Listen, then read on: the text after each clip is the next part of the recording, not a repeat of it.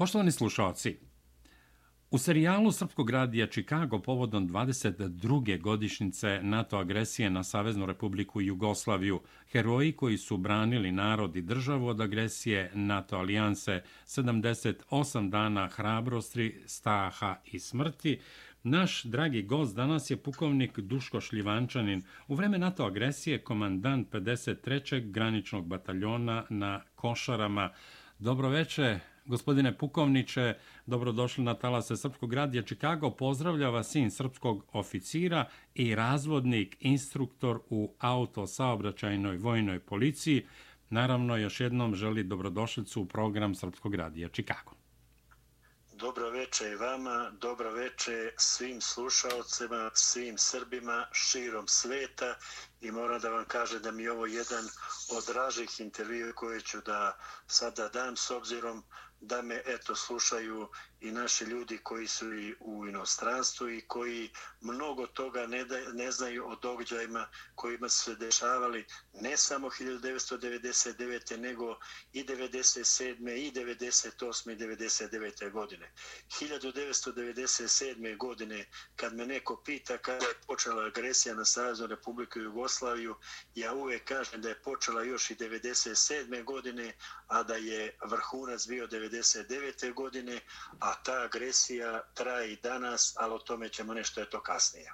Naravno, evo, ja ću da, da dam samo mali uvod kada je u pitanju ta agresija, a onda ću vas zamoliti da nešto kažete o sebi i, i tako dalje i tako dalje. Dakle, NATO bombardovanje Savezne republike Jugoslavije, kodno ime operacija savezničkih sila, ili u Sjedinjenim američkim državama operacija plemeniti nakovanj, u Srbiji poznato i kao zločinačka NATO agresija ili pogrešno milosrdni anđeo, bila je završna faza rata na Kosovu i Metohiji koja je trajala od 24. marta do 10. juna 1999. godine. To je bilo drugo važnije vojno uplitanje nakon bombardovanja Republike Srpske, ali ja bih rekao možda i treće nakon eh, bombardovanja i Republike Srpske krajine u operaciji namerna sila 1995. i najveći vojni sukob na prostoru Srbije i Crne Gore od vremena drugog svjetskog rata. Pa, gospodine Pukovniče, ja bih pre svega zamolio da nam nešto kažete o sebi. Pa, ja sam, kao što sam rekao, pukovnik Duškin Vančanin i će sam rođen 1965. godine na Žabljaku, to je severni deo Crne Gore, Inače, Žabljak je opština na severu Crne Gore, iznad kanjona rijeke Tare. I nekada je rijeka Tara bila granica između, da kažemo, Turaka koji su bili u Pljevljama, Pljevima dole, tada se zvalo ta sliđa i mi smo bili s ove druge strane rijeke Tare i uvek su moji preci branili neku granicu, tako da sam eto i ja bio u situaciji da 1999. godine brani, brani granicu. Oda me eto neki ustup da uvek negdje ratujemo i da branimo, branimo granicu E, završio sam osnovnu školu u svom rodnom kraju, kasnije Vojnu akademiju u Sarajevu, u Beogradu, Šadija u Sarajevu, to je bila pešadija, specijalnost e, roda Peša u Sarajevu, u garnizonu Niš, Košumlija, Priština, Uroševac i Đakovica. U Đakovici me zatekla NATO agresija, kasnije Požarevac, Polgrad, obavim mnogo dužnosti u toku i pre rata i posle ali jedna od, da kažemo tako, najdražih i najtežih dužnosti, najtežih dužnosti mi je bila, ujedno rekoh i najdraži komandant 53. graničnog bataljona, bataljona koji je u vreme NATO agresije odsudno branio državnu granicu. Državnu granicu prema Republike Albani u dužini od 68 km. Inače sam od 1. E, januara ove godine nakon napunjenih 40 godina razvoj staža u penziji, otac sam troje dece, oženjen i evo sada, sada kako bi se to reklo, veteran. Da, pa oficiri, a, sudeći po mom pokojnom ocu koji je završio vojnu akademiju u Zagrebu, bio je u ratnom zarobljeništvu, a, nikad ne idu u penziju i kad su u penziji oni su uvek spremni da stanu na brani kotadbine.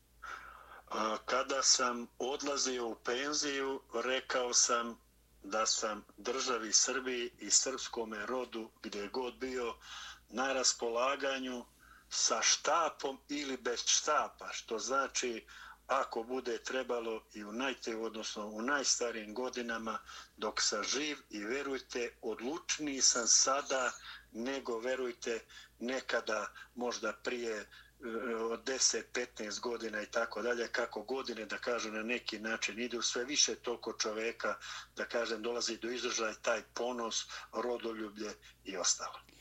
A, da, to mi je milo da čujem. A, vi ste u vreme NATO agresije bili komandant 53. graničnog bataljona na Košarama, prekaljeni časni oficir, Ranjeni ste tokom odbrane Kosova i Metohije, čist obraz, uzdignuta glava, o tome svedoče i ovo što ste rekli decenijama na braniku otadbine. Pa recite mi nešto o karakteristikama državne granice koji je obezbeđivao 53. granični bataljon.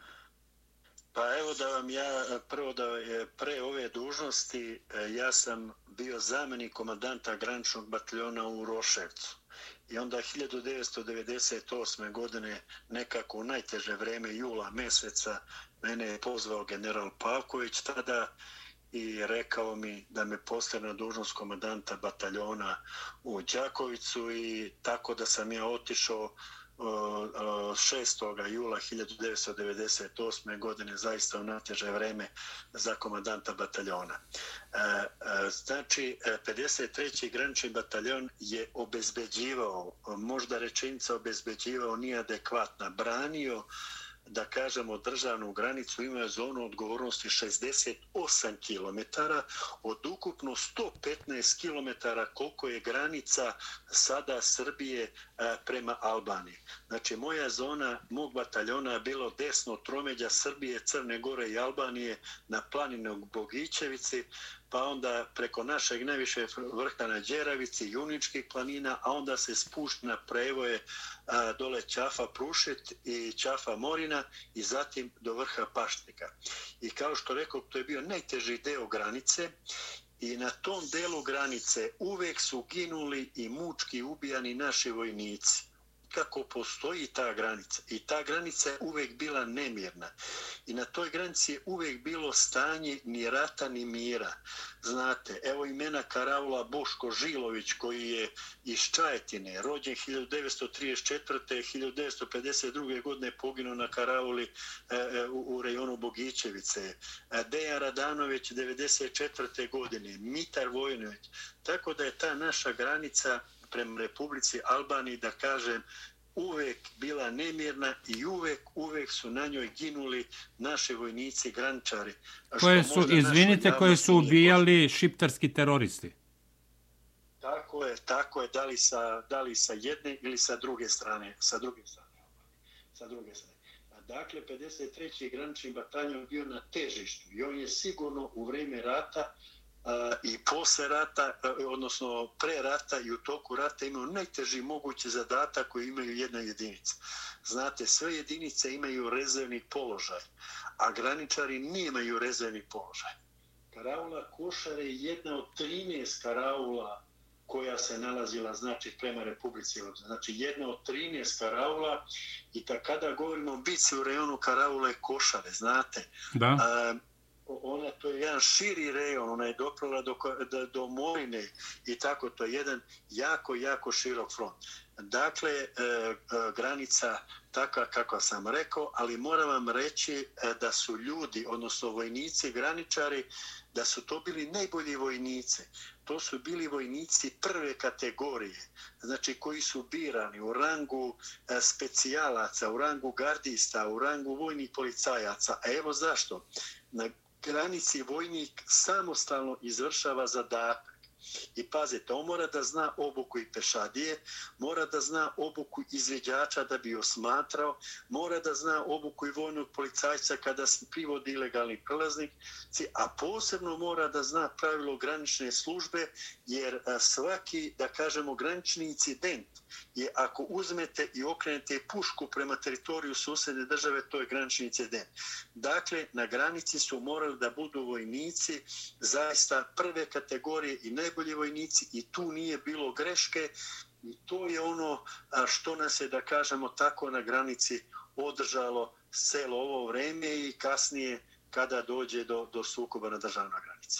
Gospodine Pukovniče, e, pomenuli ste 97. evo 98. 99. godinu. Kako je bilo stanje na državnoj granici te 97. jer kao što rekao ste malo pre, agresija nije izvršena 99. Ona je počela 1997. godine. Molim vas da to komentarišete. E, ne znam koliko je vama i našoj javnosti širo sveta, našoj dragoj braći i sestrama poznato 1997. godine u Albaniji je došlo do tako su ih oni i, i, i ovaj nazvali do socijalnih nemira. I šta se tu sada desilo? Došlo je do pada vlade, do pada svih državnih institucija. I u tom momentu narod je uh, ušao u vojne magacine. Dakle, deo velikih vojnih magacina je je zauzet. Izvinite, ili je pušten namerno, to je bilo vreme ovog Salji pa Beriša. Salji Beriša je kasnije izjavio da je to bilo namerno. Jer pazite, a, a, kasnije ću nešto o tome reći, ja mislim da je to bio jedan od scenarija, kao i kasnije sve što se dešavalo, znate, oni naprave scenariju. Reći vam poslije i sa izbjeglicama i sa ratnim zločinima i sa svemi. Znači, 1997. godine iz magacina albanske armije, znači, uzima se negde između 700 i 800 hiljada kratkih i dugih cevi minobacača, municije, mina i tako na hiljade i hiljade i tako. Dakle, gladan narod ne ide da pljačka vojne magacine uzima na oružanje, nego gladan narod ide i na, na neš, da, da kažemo tako sve na zadovoljstvo izražava na drugi način. Tako je. S druge strane, vi ste čuli Znači, sve karaule koje gravitiraju prema prostoru Kosova i Metohije, govorimo o, sa albanske strane, 97. godine su spaljene, sve su opljačkane, tako da one od 97. godine postaju baze za ubacivanje naružanja i opreme na prostor Kosova i Metohije. Tako da od 97. godine ne, jedna, čuli ste da je bila najčuvanija u granica u Evropi, ako ne i u svetu, granica prema Albaniji, odjednom najčuvanija granica postaje najnečuvanija granica. I znači, to sve počini 1997. sedme godine. Da, gospodine Pukovniče, izvinite, ona je čuvana izuzetno dobro još iz vremena Enver Hođe sa onim čudnim nekim malim bunkerima kojih je bilo izgrađeno na stotine. Izuzetno to nisu mali bunkeri. U taj jedan bunker može da primi zavisno na kom položaju se nalazi i celo odelenje na tom bunkeru, u tom bunkeru su puškarice. Taj bunkeri su tako napravljeni da su oni mogu da pretrpe nuklearni udar, da kažemo manjih intenziteta. Tako da da ovaj e, eto to je napravljeno tačno u vreme Envera Hođe i i ta granica je tako čuvana i eto kažem 97. godine dolazi do toga znači da odjednom znači ta granica bukvalno a, bukvalno više ne postoji i da na oružanje i da sve karaule, kao što vam kažem, postaju baze za ubacivanje na oružanje i da se vrše terorističke akcije a, prema prostoru Kosova i Metohije. A kažite mi, kako je bilo stanje naših snaga na državnoj granici te 97. 98. i 99. godine i koliko je državni vrh a, imao mogućnosti, želje, volje da, da to na neki način podrži da se kontroliše od strane vojske Jugoslavije i da li je bilo dovoljno graničnih jedinica u tom reonu? E, pazite, e, preći ću e, kasnije na 1998. godinu, dobro ste postavili to pitanje, državni vrh, mislim da možda u tom momentu, sad to mogu da kaže, nije baš imao dovoljno sluha da se možda granične jedinice opreme bolje sa, na, sa nekom opremom za izviđanje, osmatranje i tako dalje. Ali e, e tu je sada postajao jedan drugi problem. Mi smo celo vreme bili po pritiskom međunarodne zajednice, e, pod pritiskom kada, i e, kada bi se god e, na granici dovele neke jače jedinice i kada bi se god e, bili pokreti vojske prema granici, to se odmah spinovalo i odmah se e, e, međunarodnoj javnosti prikazivalo kao teror i tako dalje, pretenzije.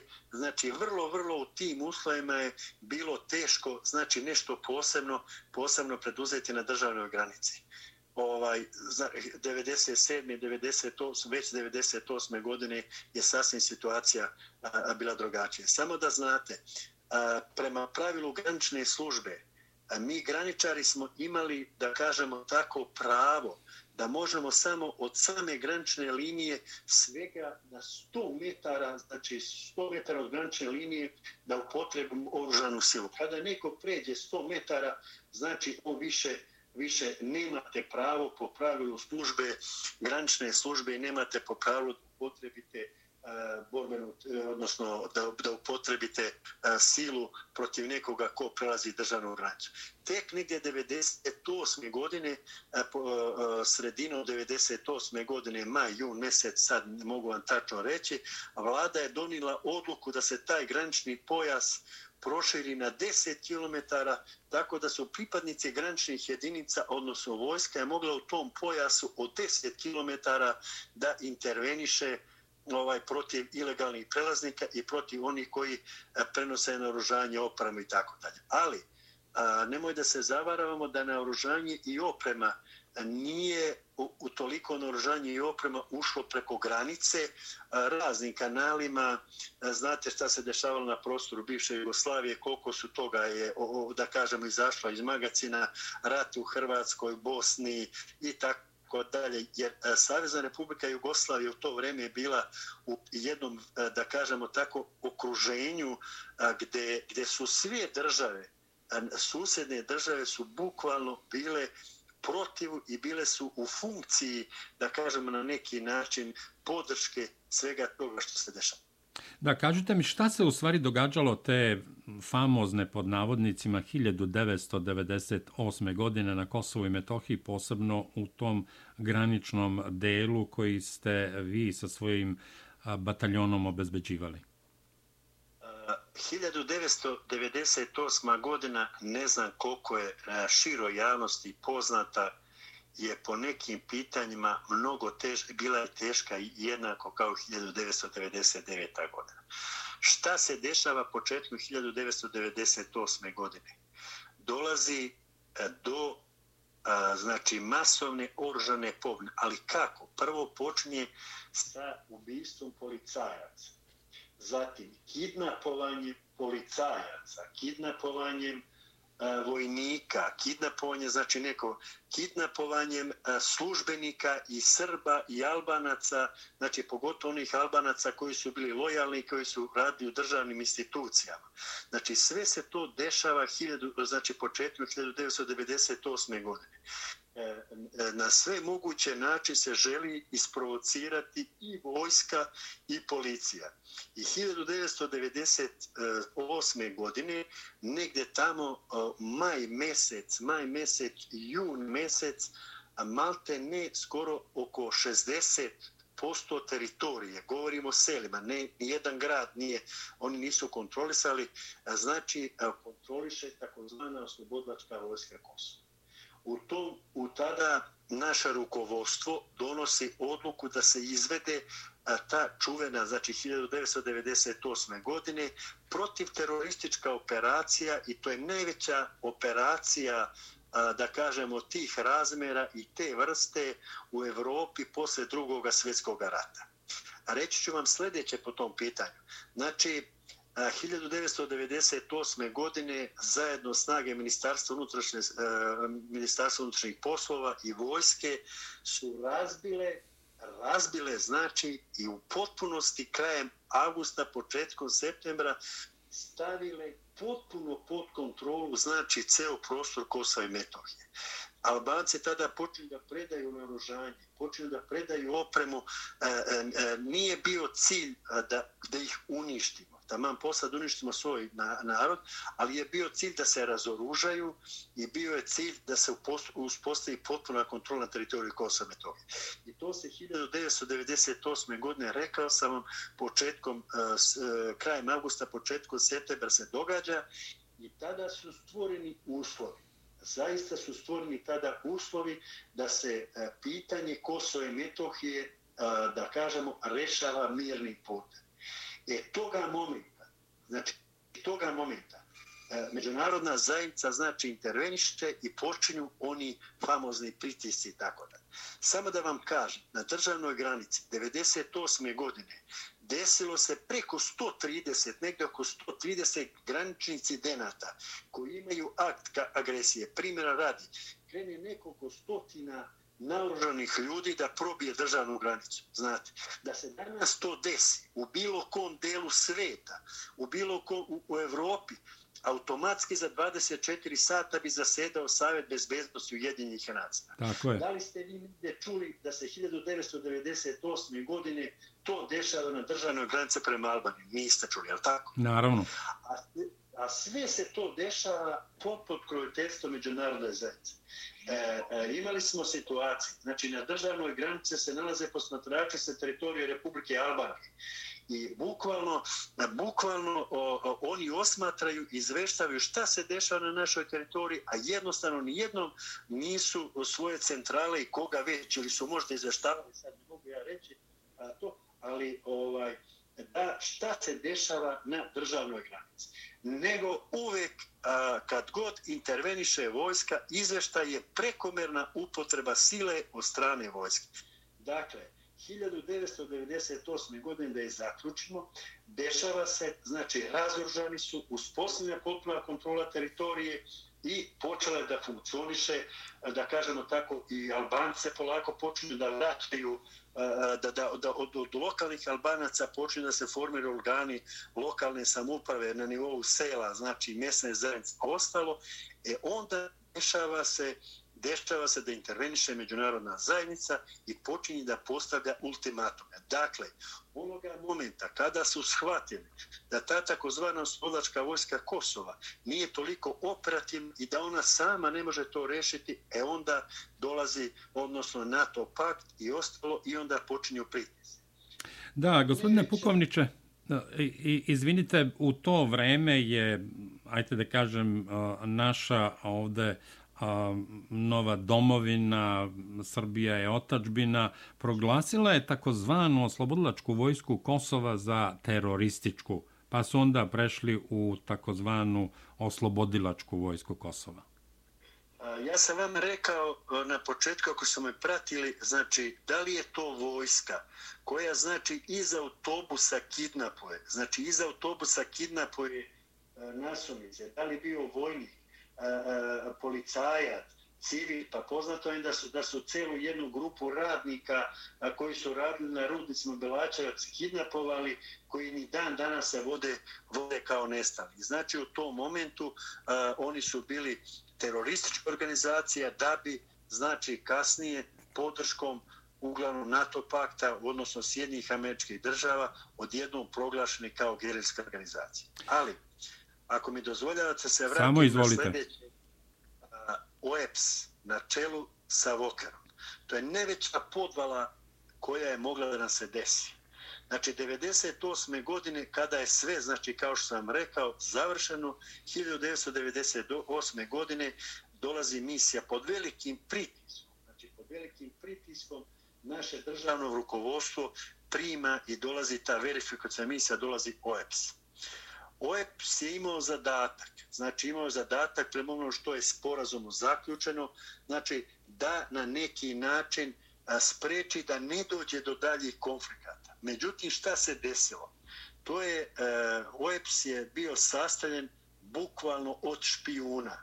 Koji je zadatak i šta su oni radili? Prvi njihov zadatak je bio da izvrše obaveštajnu pripremu bojišta, odnosno da lociraju sve znači vitalne elemente borbenog i operativnog raspada naše vojske, jer su oni po tom sporazumu imali pravo da dođu gde god hoće i tako dalje i onda da, da kažemo tako neki način skinu i skiciraju elemente. Drugi zadatak koji su oni radili, da ponovo reorganizuju takozvanu oslobodačku vojsku Kosova i onda oni ponovo počinju da iskupljaju, ponovo počinju da ih narožaju.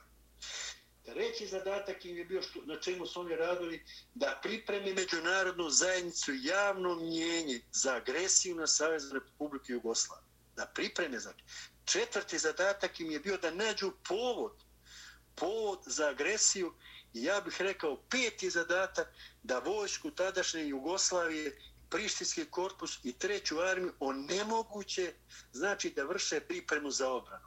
Mogao bih vam ovo sve redom eh, prokomentarisati svih, da kažem, ovih pet zadataka, odnosno pet uh, tih ovih zadataka koji su oni, na čemu su oni radili, a u stvari, eto, došli su da sprovedu neki mir.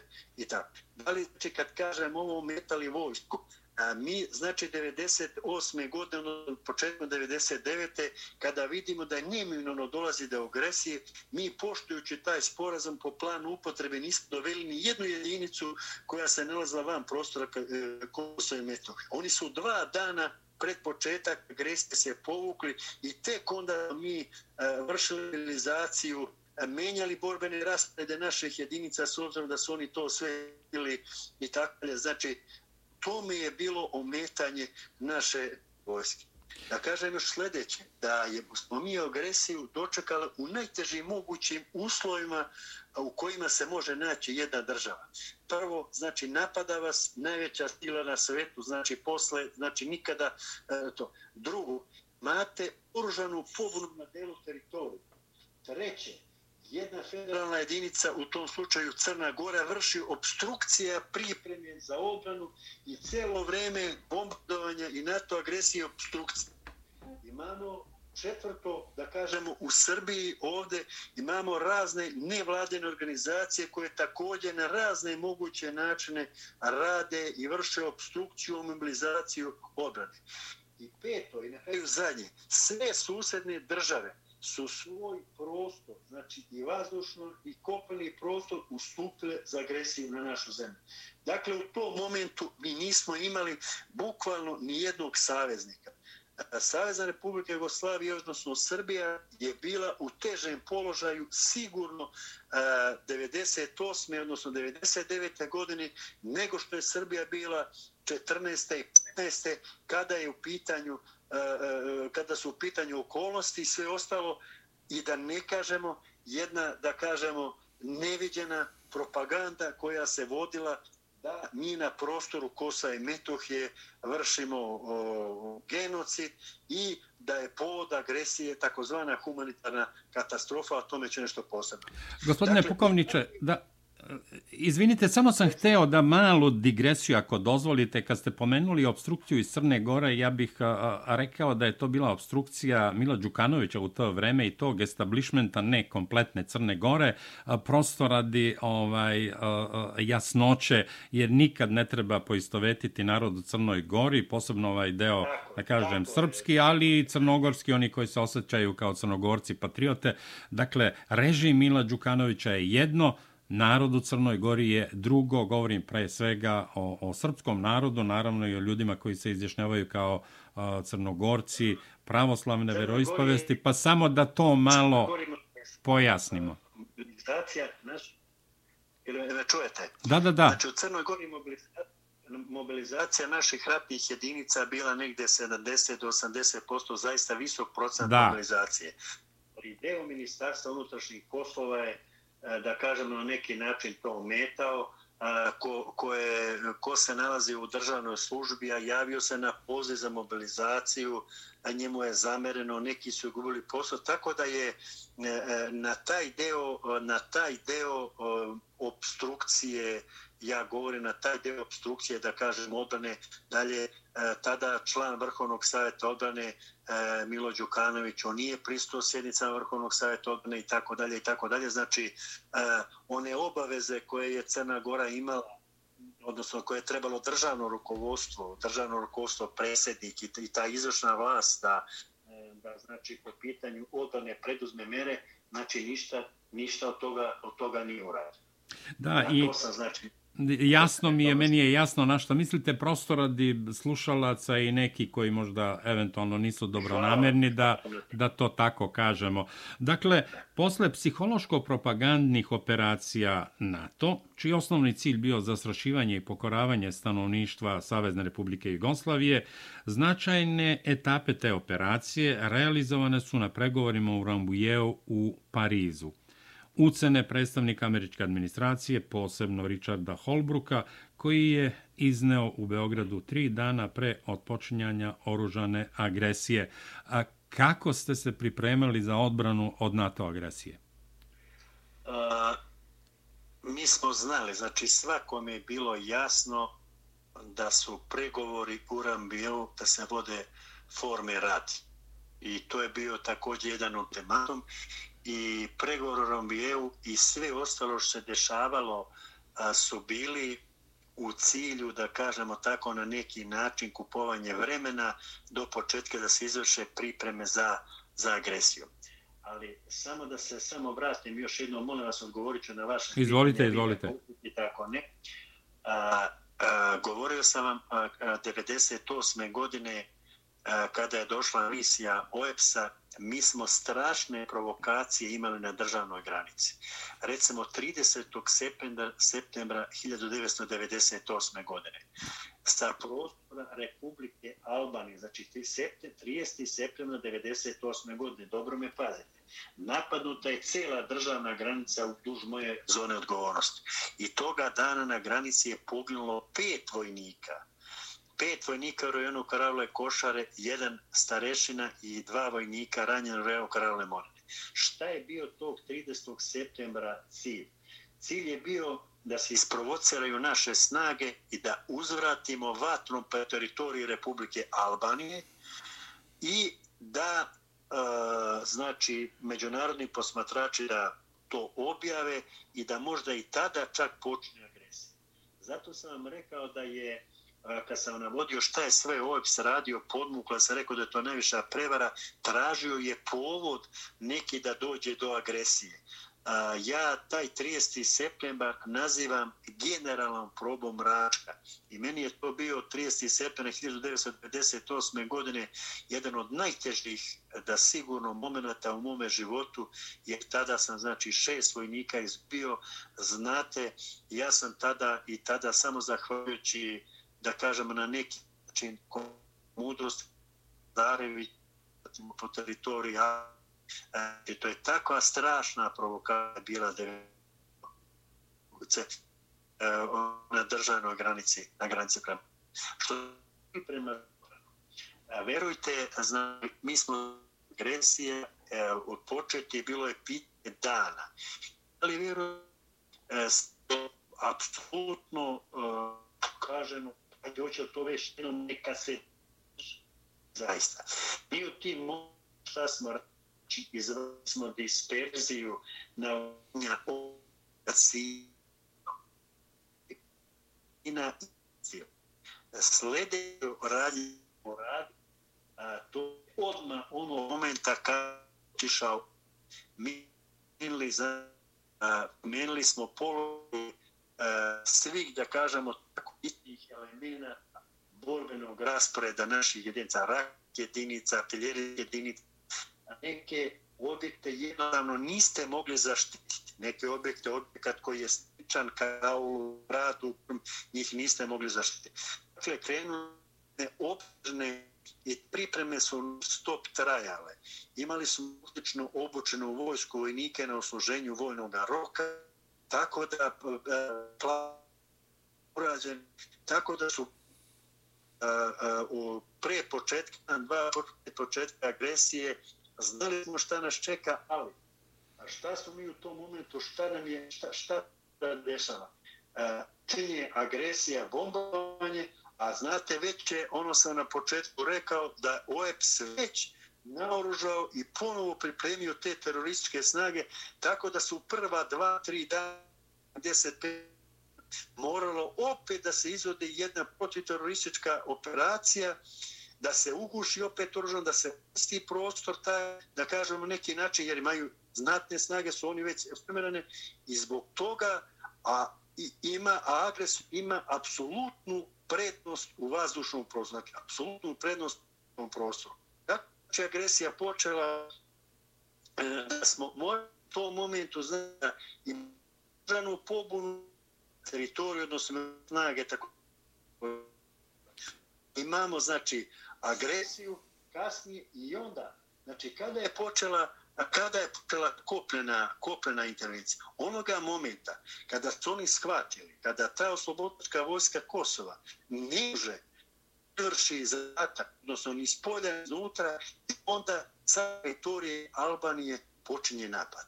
E sada, našoj javnosti sigurno nije poznato vama, mi kad pričamo o agresiji Savezne republike Jugoslavije, mi kažemo, ponavljam, agresivno Savezne republike Jugoslavije išlo 18 članica NATO. Da li se to nigdje pominje Alban? Ne. Znači, sve je počinjeno teritoriju republike Jugoslavije. Znači, Gospodine Pukovniče, imamo, imamo prekide, prosto ne znam zašto, s vremena na vreme prekide, evo sad je dobro, ali proteklih 4-5 minuta non stop ovaj, imamo prekide, kao da vas neko zove, a, pa vas nešto Nije. čujemo, nešto ne čujem. Mhm. Jer se čujemo da ponovim još jednom ako ovo što sam... Evo, sad Halo. vas čujem, ali, ali stalno veza ovaj šeta. Evo, sad je dobro sad je dobro, pa molim vas da par zadnjih rečenica ponovite. E, znači, e, mi smo, e, kada je počela agresija, počela agresija, znači imali smo oružanu takođe e, na teritoriji Kosova i Metohije, trebala razbiti te snage takozvane oslobodlačke vojske Kosova i u, e, sve se to radi u uslovima kada agresor ima apsolutnu prednost u vazdušnom prostoru. Znači, razbijaju se te snage, vrši se mobilizacija, vrši se disperzija, odnosno raseljavanje i ujedno, znači, brani se državna granica.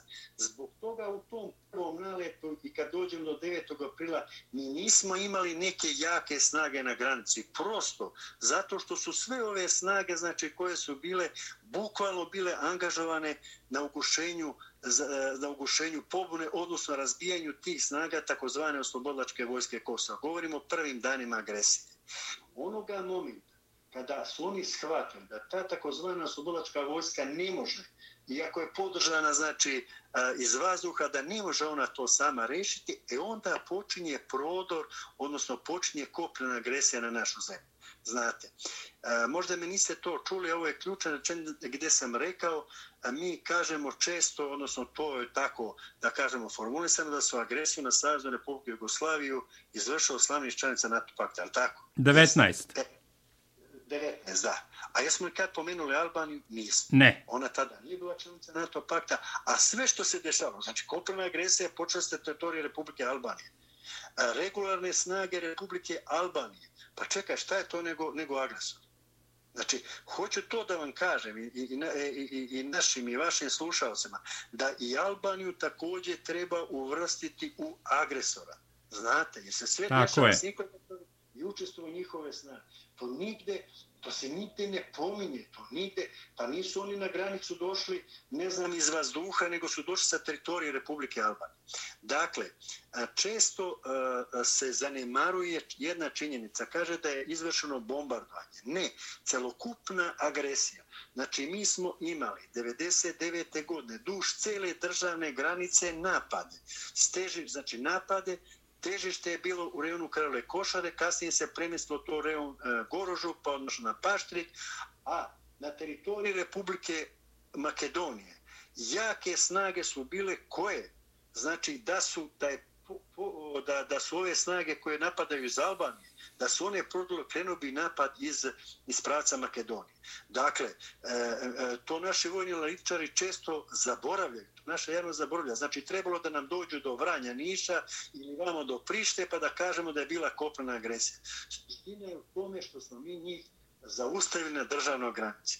Dakle, 9. aprila je počela kopljena, znači, invazija e, da li me sveće, znači 9. aprila počinje kopljena agresija. Je to bila kopnena agresija na rejon Karaule Košare. Šta je u najkraće suština bitke na Košara? A bitka na Košara, ona je trajala od 9. aprila do 14. juna, odnosno do povlačenja naše vojske, kada je već početno primjer. Da su graničari prva dva dana izdržali primili su, znači, prvi udar, najteži udar, zaustavili agresor na državnom granicu, nanijeli mu gubitke i stvorili uslove snagama koje su nalaze po dubine da dođu i kasnije poslije da se učvrsti državna granica. Inače, znači, 130 graničara je branilo taj, e, taj deo i kasnije u toku dana smo ih ojačali sa nekim manjim jedinicama. Dakle, bitka se odlučila prva dva dana. Da su oni ta prva dva dana prodrli, E, e, e, a napadalo je, znači, odnos snaga je bio u njihovu korist 1 naprema 10, plus podržani avijacijom, da su oni ta prva nekoliko dana, prva dva dana, da su, da su zbacili grančare sa granice, mi bi danas o košarama i sasvim drugačije govorili. Dakle, ta prva dva dana i bitka na košarama je opredelila dalje tog događaja. E, kasnije, mi dolačemo jake snage na košare, oni dolače jake snage i tu se bije teška bitka. Onoga momenta, kad vide da ne mogu da probiju Reum Karaule košare, onda kreću na paštri. Na paštri je, znači, upotrebljena strategijska avijacija NATO pakta. Strategijska avijacija NATO pakta. Cilj je bio da se zauzme, da se uđe na prostor Kosa i Metohije koliko toliko i da na neki način da oni kažu eto, a onda da počnu pregovore. Koji je zadatak naše vojske bio, da kažemo načalan zadatak je bio? Da kažemo imali smo dva zadatka. Prvi je zadatak bio da spriječimo znači masovne gubitke ljudstva i tehnike dejstvima iz vazdušnog prostora. I drugi zadatak bio da sprečimo nasilni ulazak bilo kojih snaga NATO pakta na prostor Kosova. Znači nasilno ne mogu ući. I oni nikada nasilno nisu ušli na prostor Kosova i Metohije i mi smo tim zaustavljanjem na državnoj eh, granici stvorili kakve takve uslove našemu državnom i vojnom rukovodstvu, znači da kasnije potpiše taj sporazum u Kumanovu rezoluciju 1244, kako je takva, ali eto, to je nešto zašto se im možemo hvatati, međutim, kao što vidite, u međunarodnom pravu se ništa ne poštuje, pa se ne poštuje ni ta rezolucija i, i, i tako da. A gospodine Pukovniče, voleo bih da nam kažete nešto detaljnije o toj epopeji o bici na košarama. Vi ste tu izgubili 16 boraca, vi ste ranjeni, ali ono što je vas i sve borce na košarama, evo ja se ježim kad to govorim, karakterisalo, to je bio poklič nema nazad, iza je Srbija. Da, to je bio, to je bio da kažem sloga naših boraca i e, ja sam vama e, na početku rekao e, kakvi su bili graničari vojnici. I upravo to je ta znači njihova kreativnost i inicijativa. Znači jednostavno oni nisu znali koliko male snage brane u tom momentu državnu granicu. Koliko male snage brane tu državu. Mi smo držali te otporne tačke na koje su oni napadali i u prvom momentu su im nanijeli sve gubitke i onda su oni stali. Ali pazite, napad je počeo izvođenjem, znači 8. naveče, 8. aprila naveče, izvođenjem demonstrativnih dejstava pravcu Karaule Morina i zaista to je bio logični pravac napada, bio je i tenko prohodan i mi smo, da kažemo, na neki način očekivali da će napase na tom pracu i znači oni C8 na večer 8. na 9. celu noć vrše pokret snaga, destu artiljerija, a onda u ranim jutarnim časovima pod dejstvom i avijacije i njihove artiljerije kreće napad na Reon Karole. Gospodine Pukovniće, oprostite, čini mi se da je to bilo na veliki petak 1999. Tako, tako je, bio je veliki petak veliki petak toga dana, znači veliki je petak bio, eto oni su znači uvijek na te velike praznike su napadali. E, ja sam, e, e, ja sam toga dana ranjen, odnosno krenuo sam put Karaule Košare i uletio sam u jednu zasedu, vozač mi je poginuo, ja sam ranjen, međutim bio sam lakše ranjen, tako da sam posle jednog dana previdnje i tako dalje ponovo se vratio, a poginuo mi vozač, a ispred mene je bila posljednja protiv tenkovska mina i vozač je verovatno vidio tu minu, pa onda je on zaustavio, u tom momentu počinje paljba i mene, da kažem, na neki način eto, to spasilo što sam što su mi e, što što prvo što što sam ih iznenadio da kaže na neki način što je vozilo stalo i što su oni glavnu vatru usmerili u, u prvo pogađali vozača onda glavnu vatru su usmerili u, u, u zadnji deo Pinsgaro misleći da tu ima vojnika nije bilo nikoga. Kad sam ja istračao iz vozila u tom momentu u susrete mene išla jedna da kažemo grupa vojnih policajaca koji su nam krenuli u pomoć i onda ih je bilo eto 18 i ovaj i znači ja sam ono što kaže zaista uh, Bog me toga dana spasio. Eh, uh, zaniste vozilo uh, da je bila izrešetana i, i rezerna guma znači koliko je to ovaj uh, koliko, koliko ja sam uh, ranjen bio.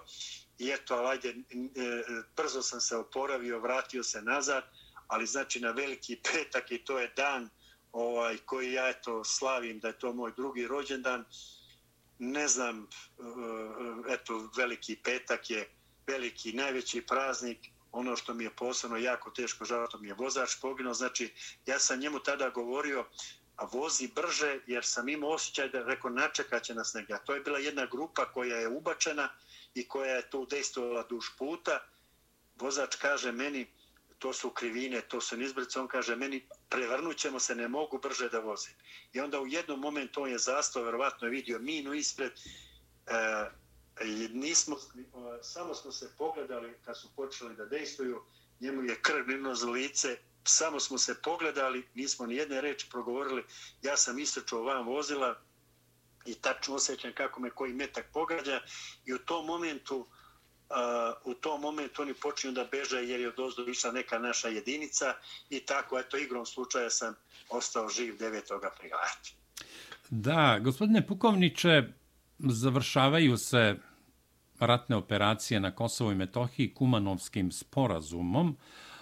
A neki, Mm, ja to zovem bulumentom, koji sede u Beogradu, govore o tome da je kumanovski sporazum poraz vojske Jugoslavije, da je to kapitulacija, da, da, da je vojska izašla s Kosova poražena, međutim i NATO stratezi, celi svet, da kažem, bio iznenađen time da su gubici vojske Jugoslavije u tom neravnopravnom ratu bili zanemarujući, naravno svaki život je važan, ali su oni bili zanemarljivi odnosu na silu koja se sručila na, na našu vojsku?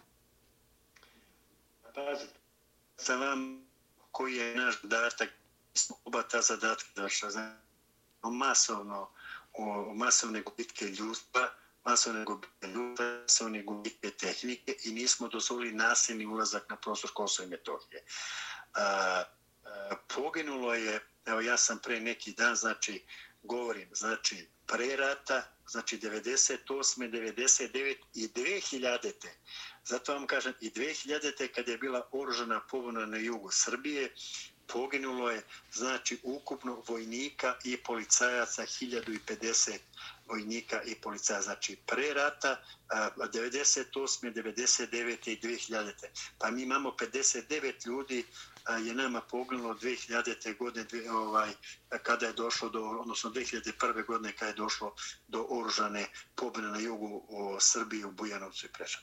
Tako da smo mi e, zaista, znači mi smo se povukli kada smo se povlačili sa prostora Kosova i Metohije. Mi smo bili organizovani, znači bilo je sukcesivno povlačenje jedinice sa granice i sve tako redom i naš, e, e, mi smo tražili da se preda teritorija, kome da se preda teritorija i tako ne, da se zaštiti stanovištvo, da se ne desi ono kasnije što se desilo, međutim oni to nisu ispoštovali i desilo se ono, desilo se znači pokolj i svega onoga što se, što se ovaj, desilo kasnije. Ali evo da kažemo, kad govorimo o agresiji i ostalo, znači mi imamo posle agresije 99. Posle toga imamo 2001. godine oružanu pobunu na jugu Srbije. Imamo 2006. godine referendum u Crnoj Gori. Imamo 2008. godine proglašenje nezavisnosti takozvanog Kosova, imamo napade na desitovski sporazum, tako da je, a ta agresija, da ka, hoću da kažem sljedeće, da a, cilj, odnosno ono što su oni proklonili, da se agresija na Savjeznu republiku u Jugoslaviju vrši zbog humanitarne katastrofe nije tačno. Znači, to dokaze sled kasnije događaja. Humanitarna katastrofa je bilo onoga momenta kada je počelo bombardovanje i kada se, odnosno agresija, i kada su hiljade izbjeglica morala, jednostavno su ljudi morali da napuštaju svoje ognjište, se vode teške borbe. Humanitarna katastrofa je kad su došle međunarodne snage i kada su stotine Srba poubijano i humanitarna katastrofa je kada je pristo međunarodna zajednica, a stotine hiljada Srba se povuklo sa prostora, odnosno izbjegla sa prostora Kosova i Metohije. Mene su stari Đakočani pričali e, 1941. Godine kada su italijani ušli u Đakovicu e, i kada su Srbi i Crnogorci iz Peći Dečana Đakovice krenuli prema Crnoj Gori. Kažu, čelo je bilo na Čakoru, začeli bilo na Đakovici, e, u Đakovicu kolona je duga bila 60 km a, i oni se nikada više nisu vratili. Tu istu kolonu 41. godine ja sam je vidio juna meseca 99. godine. Dakle, to je humanitarna katastrofa a ne humanitarna katastrofa što su oni nazivali. Oni su znači izvali tu humanitarnu katastrofu i još jednom da ponovim. Znači, e, krajem e, avgusta, početkom septembra 98. godine, apsolutno su stvoreni svi uslovi da se kriza na prostoru Kosova i Metohije reši mirni put. Koju situaciju mi imamo danas? Ja u pregovore i kompromisno rešenje ne verujem. Evo zašto. Znači, 98. 99. kada smo imali živu silu i sve dole što smo imali na prostoru Kosova i Metohije, oni jednostavno ni tada nisu htjeli nikakav kompromis, a sigurno ga neće imati ni posle 22 godine. To je jedno. Drugo, međunarodna zajednica, znate kako ih podržava, formirana je i njihova vojska koja se oprema, koju opremaju, znači opremaju ih NATO pak, Turska, Sjedinje države, Dalje, ja sam vama rekao da je negdje oko 600, 700 do 800 hiljada naoružanja kratkih i drugih cevi neslao i.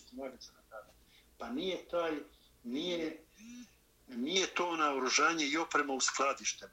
Ono se nalazi kod naroda. Dakle, to je jedan zamrznuti konflikt, zamrznuti konflikt kao što je sada bilo između Azerbeđana i Jermenije i sećate se kad je predsjednik Vučić rekao da zamrzni konflikt se uvijek može odmrznuti kakve je on doživeo napade uh, međunarodne zajednice uh, Albanaca sa prostorom Metohije.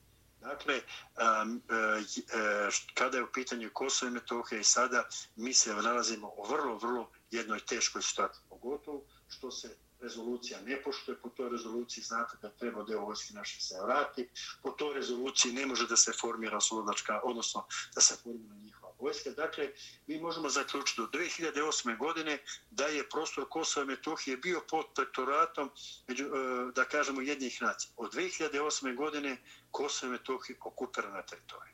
Da, gospodine Pukovniče, evo na samom smo kraju našeg razgovora, a, ostali ste upamćeni vi i vojnici koji su vodili tu epopeju, odnosno bitku za košare, bitka na život i smrt za slavu, čast i slobodu otačbine i našeg naroda. Govorili ste nema nazad, iza je Srbija. A bili ste, čini mi se, juče i, i danas na, na, na sahranama vojnika koji su ratovali na košarama. Danas je sahranjen ruski dobrovoljac koji je, čini mi se, bio borac na košarama. Tako je. E, tako je. A, u subotu smo sahranili vojnika Jugoslava Zorića. On je imao 21 godinu u decembru, kad je došao na karavlu košare, napunio je 21 godinu on je podlegao znači od najteže bolesti i ja to znači svi i, i, i kažu da je to a, posljedica osiromašenih uranijuma. I zato kad kažem cifra da je poginulo 1050 ljudi da je to najmanje nešto da to nije adekvatan broj. Jer koliko ljudi sada polako umre od tih posljedica?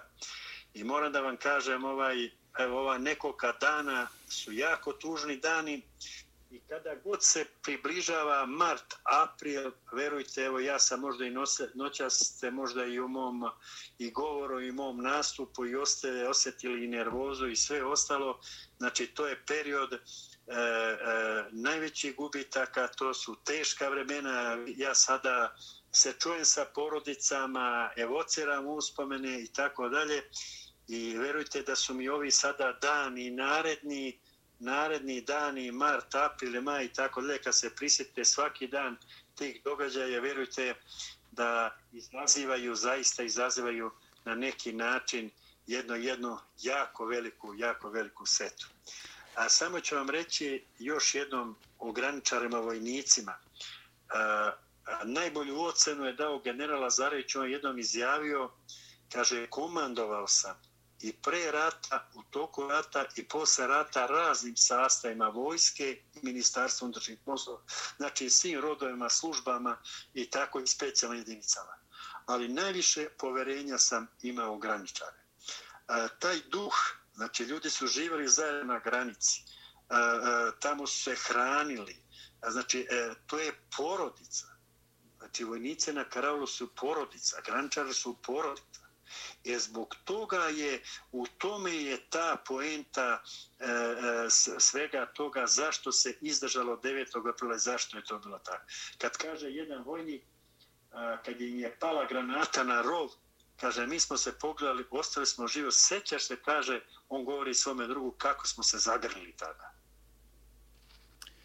Da, gospodine Pukovniče, nema nazad, iza je Srbija. Prištinski korpus je odavno izbrisan, ljudstvo je demobilisano, razbacano na sve strane, jedva preživljava, nema više čuvene komande i štaba korpusa, ugašene su herojske brigade, pukovi, samostalni bataljoni i čete, uništena je logistika, borbena tehnika, oružje i municija, sve borbene knjige su arhivirane, međutim, čini mi se da u posljednje vreme a, Srbija se vraća sebi, vojska se na neki način ojačava, oprema, šta vi mislite o tome? Pa evo sad ću vam, prvo ću vam reći e, vezano za tu kulturu sećanja. A mi smo do 2012. godine sve koristili izraze, intervencija i tako dalje. I onda kad je za ministra obrane došao Vučić, on je jednom rekao a, naz, a, naziv bombardovanje, intervencija, zamenite nazivom agresija. I prvo počinjemo tada da govorimo o agresiji i da obeležavamo sve ove događaje.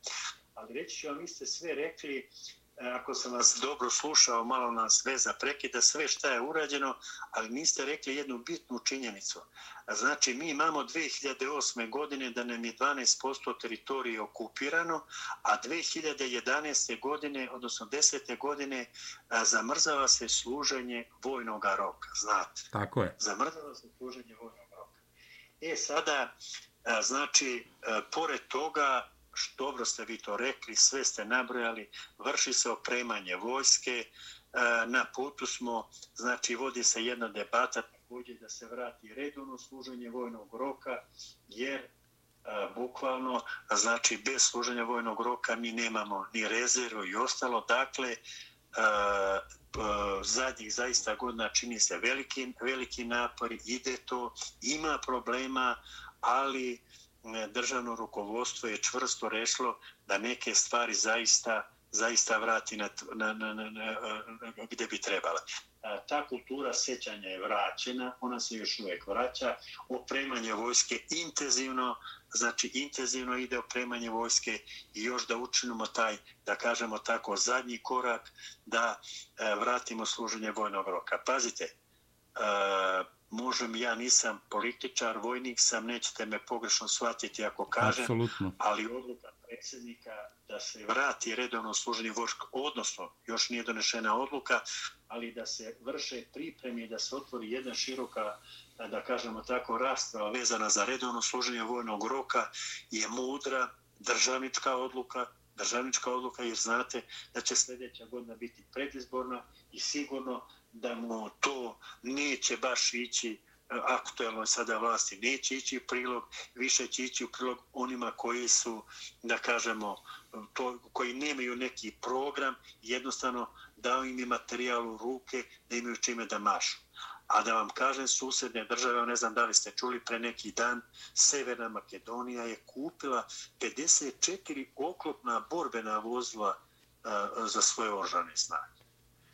Da. A, jedna Mađarska, jedna Mađarska, znači koja je stabilna, koja je članica, Mađarska koja je članica NATO pakta, a, ona svoje oržane snage sa 35.000 povećava na 40.000, ulaže e, desetak milijardi dolara od 2017. do 2005, e, 2025. E, godine da bi upremila sve oržane snage.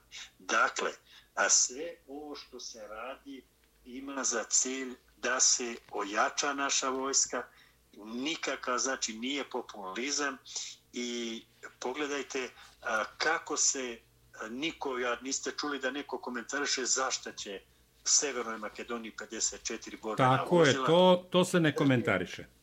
Ali Srbija bilo šta učini, odmah se poslija piti, a zašto što Srbija? Ajde, što to na neki način se spora, da kažemo na neki način, ali mi imamo ljude zaista iznutra koji to kažu i pitaju i prosto vam onda ništa nije jasno. Naravno, u Beogradu sedi peta kolona. Ja sam hteo da vas zamolim, to sam zaboravio da vas pitam kad smo govorili o košarama, a poginulo je 16 vaših boraca. Da li je među vašim borcima bilo i ljudi koji su pripadali drugim nacijama, nacijama oprostite, sem Srba? Pa to sam, to sam trebao da vam ja kažem među mojim borcima, da, bilo je Znači, ajde, među mojim borcima su uglavnom bili, ovi koji su poginuli, bili su Srbi i Crnogorci, ali sastava 125. motorizovane brigade bilo je, znači, dosta koji su poginuli i Mađara, i muslimana, i svih nacija. Posebno, posebno, evo sada ne mogu, prosto sam se malo i zamorio, ne mogu da se setim da nabraja imena, ali e, vojnici mađarske nacionalnosti, ja njima kapu skidam, oni su se borili do zadnjeg momenta i zaista a, a, tu zaista, zaista da kažemo, a, a, sa njima nikakvih problema nije bilo, imamo sada im ne pominjem imena, dvojica braće blizanaca iz Rožaja, koji su od prvog od zadnjeg dana borili, dakle, to je nešto, to su činjenice, i da je Savezno Republike Jugoslavije zaista su svi onako vojnici na osluženju vojnog roka branili Znate ko je e, prva žrtva na granici bio je na, na Bogićevici, prvi vojnik koji je poginuo 6. na Đurće dan 6. maja 1998. godine Đula Dorin iz Pančeva rumunske nacionalnosti. Znači, to je bila prva žrtva na granici, prvi vojnik koji je poginuo na granici 98. godine, bio je Đula Doren. I zaista, a, vojnicima mađarske i svih nacionalnosti, ali nekako potrebno mađarske nacionalnosti, jer ih je u tom momentu onako baš bilo poprilično služenje vojnog roka a, u to vreme, pogotovo, pogotovo u 125. 125. maturizane brege. I ono što sa zadovoljstvom, eto, hoću da istaknem, ne znam da li ste upoznali, da, da li su naši ljudi a, a, u, u sudaru sa javnim, da će bitka na košarama ući i u istoriju za osmi razred osnovne škole. E, to je, to je lepa vest.